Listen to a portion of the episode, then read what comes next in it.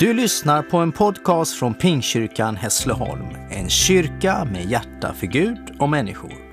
Vi hoppas att vi ska få uppmuntra och inspirera dig. För att få mer information om vilka vi är och vad vi gör, gå in på pingstkyrkanhassleholm.se.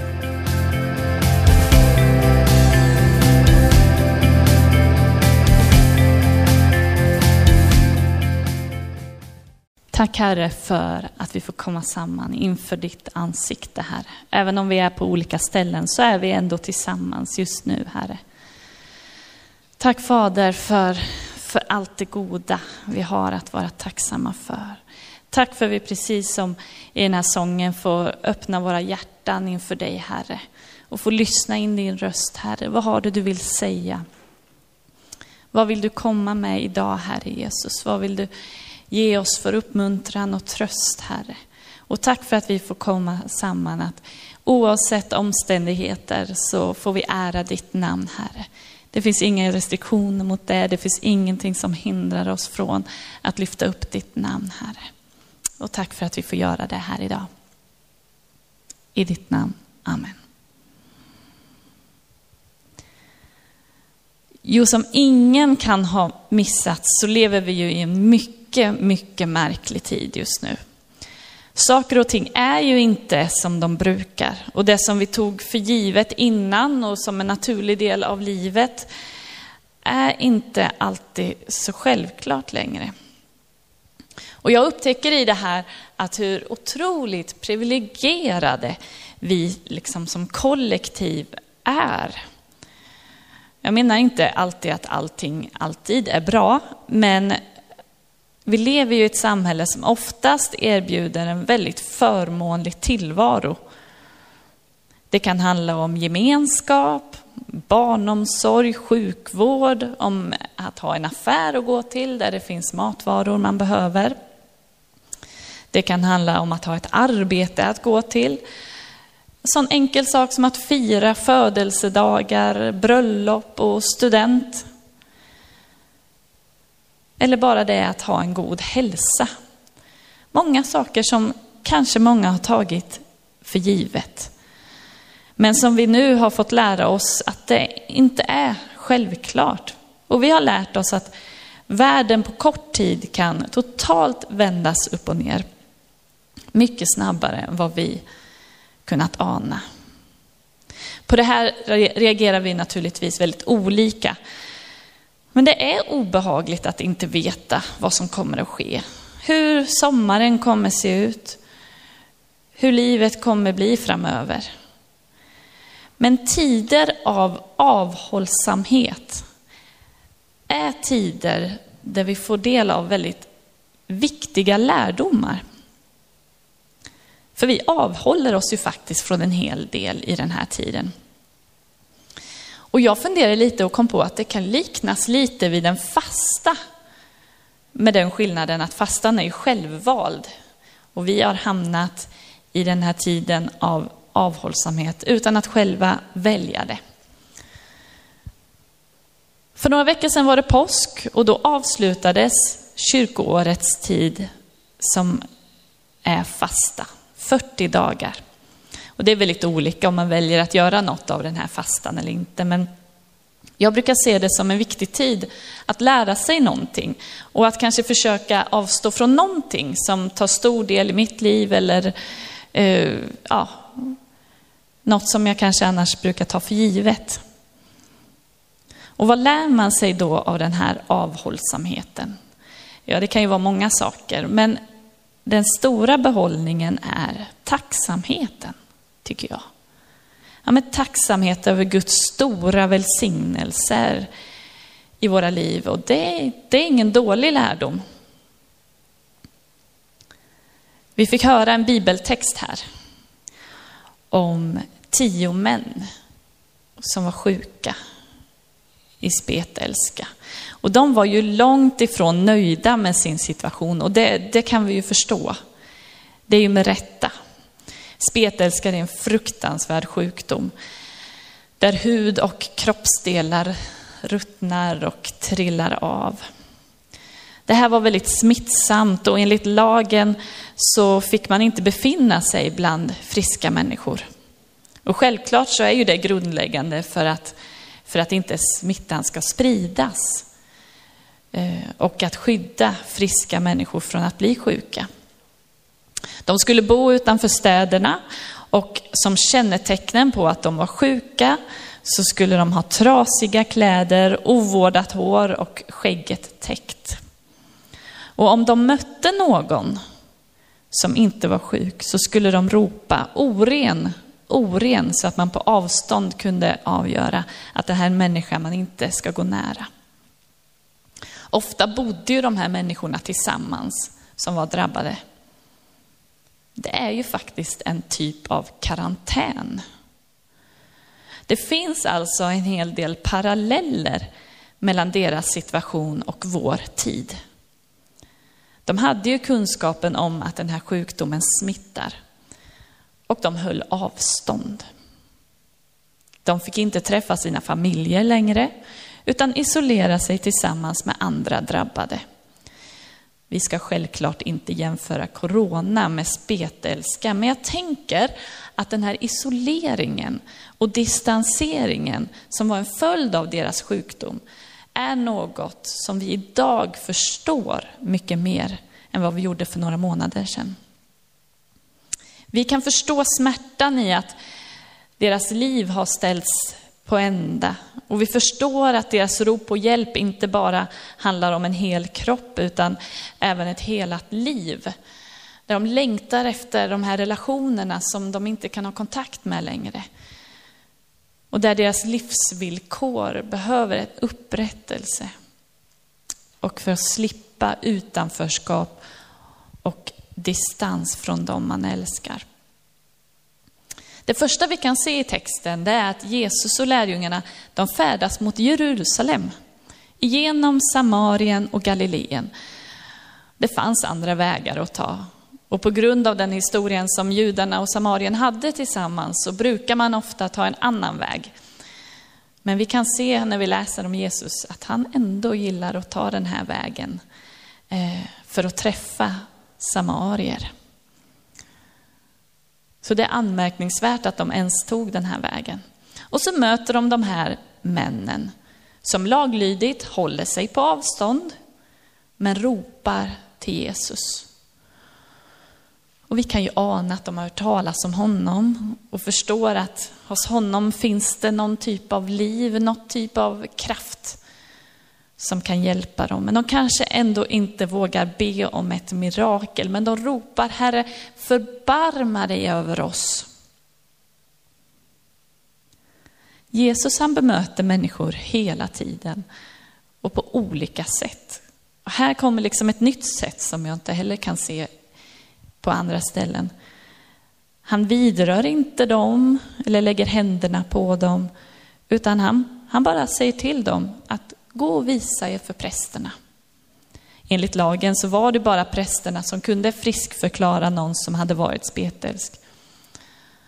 Och förmodligen så är det då, efter att ha varit hos prästerna och fått veta att ni är friska, som den här ende mannen vänder tillbaka, springer och liksom i tacksamhet bara kastar sig inför Jesus och tackar för det här miraklet som har hänt i hans kropp. Det är intressant att det står lite så här speciellt att han var samarit. Vi vet ju inte vilka de andra var i det här gänget, men eftersom det nämns att den här killen var samarit så tänker jag att det kanske var både judar och samarier i den här gruppen. Att någonstans när man har det här gemensamma problemet, den här gemensamma sjukdomen, så blir så blir överlevnaden liksom viktigare än de här grupptillhörigheterna och fördomarna som fanns.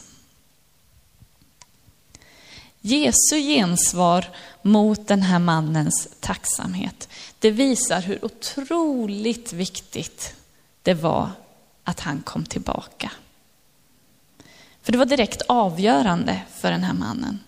Förmodligen så var ju de andra så upp, upprymda över sin nya situation, att de liksom glömde bort vart det här undret kom ifrån och bara sprang ut och började leva livet som friska män. Men det som den här mannen fick del av, som de andra gick miste om, det är någonting som är mycket större än själva helandet. För ett helande till kroppen är ju aldrig för evigt. Även Lazarus som Jesus uppväckte från de döda, han dog ju till slut. Men den här gåvan hade evighetsvärde och det var orden Stig upp och gå, din tro har frälst dig. Så mannen får en evig upprättelse och en tro på Gud och en gemenskap med Jesus i evigheten. Otroligt viktigt. En otrolig välsignelse. Detta med tacksamhet återkommer ju om och om igen i Bibelns texter. Vi kan läsa i breven till exempel, i eh, Kolosserbrevet 3 så står det, låt Kristi frid regera i era hjärtan.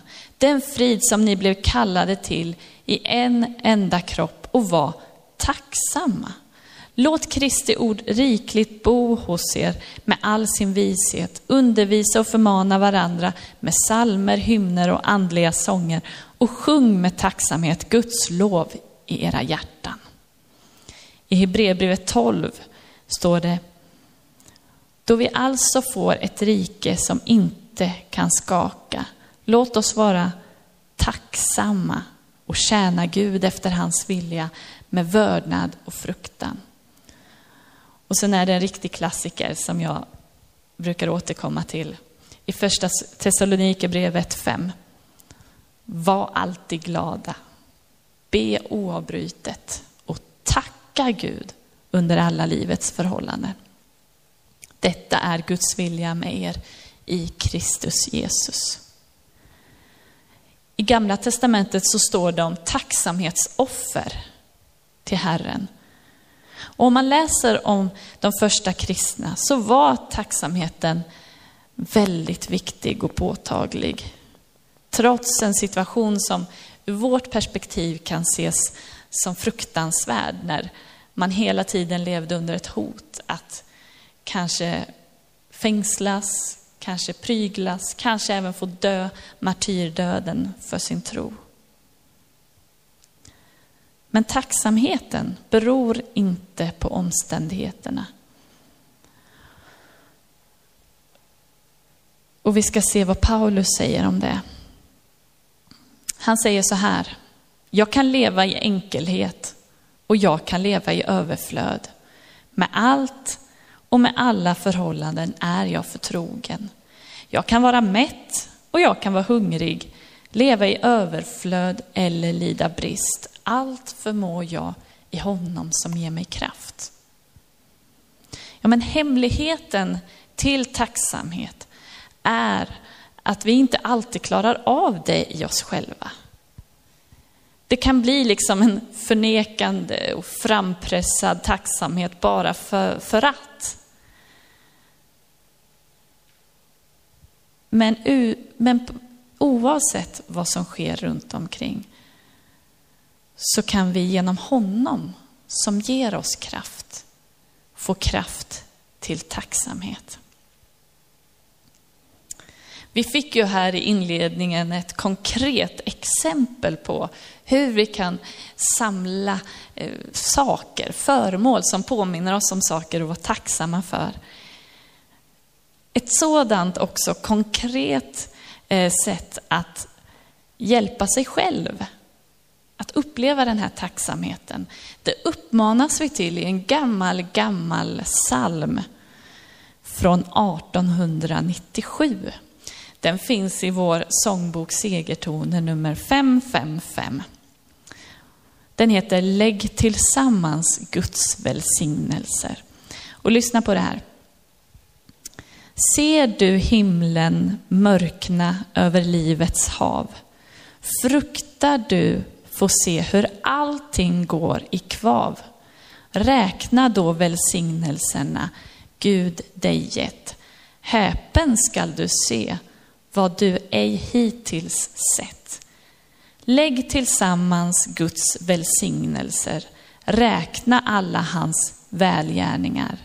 Tänk på allting, både smått och stort. Och du ska förvånas vid vad Gud har gjort. Det låter nästan som en liten hemläxa. Nu fick ju arken en liten hemläxa och jag tänker att vi alla kan ha detta som en liten hemläxa. Att nästan skriva ner kanske. Vad är det för välsignelser som vi har fått? I tider när livet är mörkt, orosmolnen hopar sig, ångesten kommer, gör sig påmind. Då ska vi inte sticka huvudet i sanden och låtsas som allt är bra. Men jag tror att Gud kan hjälpa oss att se välsignelserna, påminna oss och lägga samman det som Gud har gjort. Även om det är något litet, litet och ibland är det någonting stort. Tillsammans så blir det stort. Och man kan lära sig att titta och se på livet ur ett nytt perspektiv.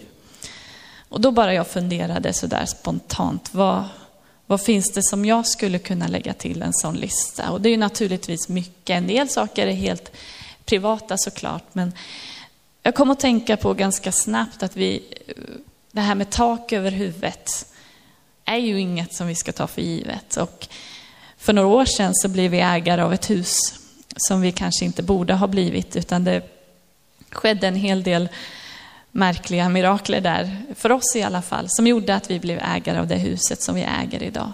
Någonting att bli väldigt tacksamma för. Och sen funderar jag på, vi har två vackra döttrar som ingen av dem för oss var självklara. Extremt efterlängtade båda två. Den lilla fick vi till och med vänta på i sju år. Det har jag att vara tacksam för. Jag skulle kunna skriva att jag har sett Guds finger på olika ställen i mitt liv, även om man inte såg det just då när man var på vandringen. Och såklart, precis som vi hörde i sången här, så får jag så är jag otroligt tacksam över att jag får tro på en Gud och att jag får tillhöra frälsaren själv. Ja, men våra livsvandringar ser olika ut och vi kan skriva ner punkt efter punkt. Och om vi lägger samman dem så tror jag att det kan hjälpa oss att se hur liksom den här tacksamheten kan få skölja över oss. Och då kan man också se hur man kan vara tacksam över sånt som var tufft och svårt och mörkt när man var i det. Men som nu efteråt kan man se har varit en lärdom. Han vänder mörker till ljus.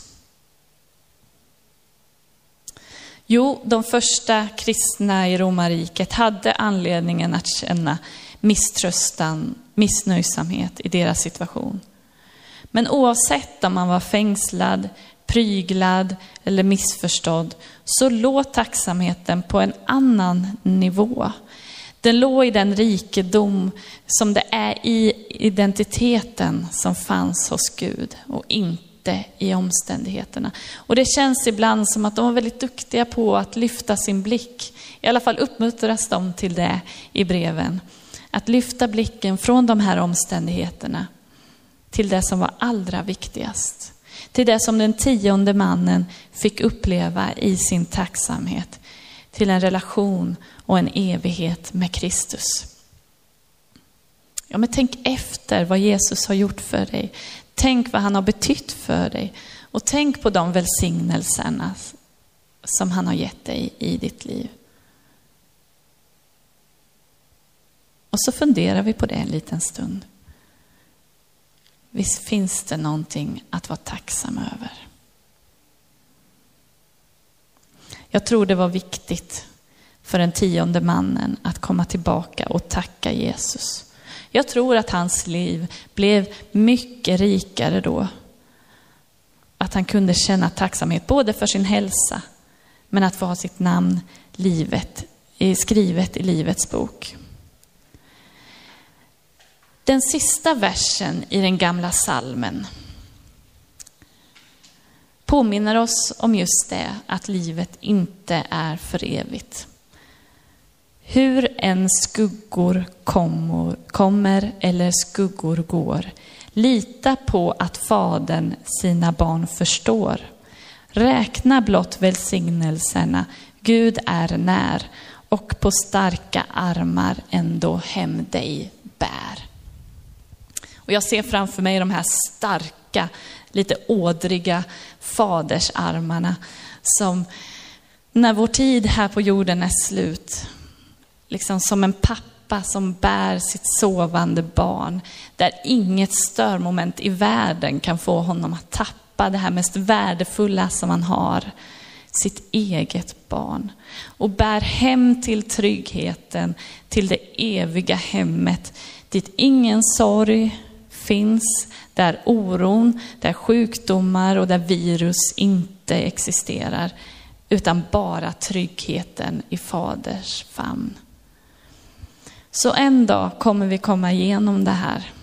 På en dag kommer vi komma ut på andra sidan av den här, som vi kan kalla ofrivilliga fastan eller en ofrivillig avhållsamhet som vi har hamnat i. Vad har vi då med oss? Många nya erfarenheter, men främst hoppas jag tacksamhet för det där som tidigare var så självklart. Och en stor glädje hoppas jag över att få ses igen. Lägg tillsammans Guds välsignelser. Räkna alla hans välgärningar. Tänk på allting, både smått och stort. Och du ska förvånas vid vad Gud har gjort. Herre, vi tackar dig. Vi tackar dig Fader för allt det goda. Vi tackar dig Herre för att få tillhöra dig. Vi tackar dig för att vara trygga i Faders famnen Herre. Vi tackar dig för att ha namnet skrivet i din bok Herre. Vi tackar dig för att du är så fantastisk och suverän. Jag tackar dig för att du bär genom svåra tider Herre. Och jag tackar dig för att vi får tillhöra dig.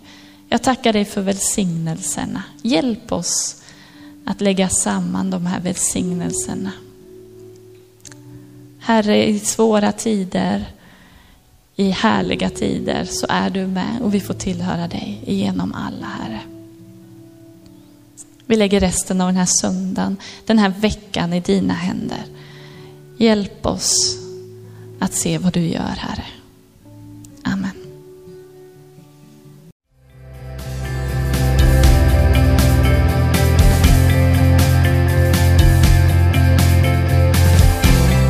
Du har lyssnat till en podcast från Pingkyrkan Hässleholm. Om du vill veta mer om vår kyrka och verksamhet, gå in på pingstkyrkanhässleholm.se. Varmt välkommen till oss.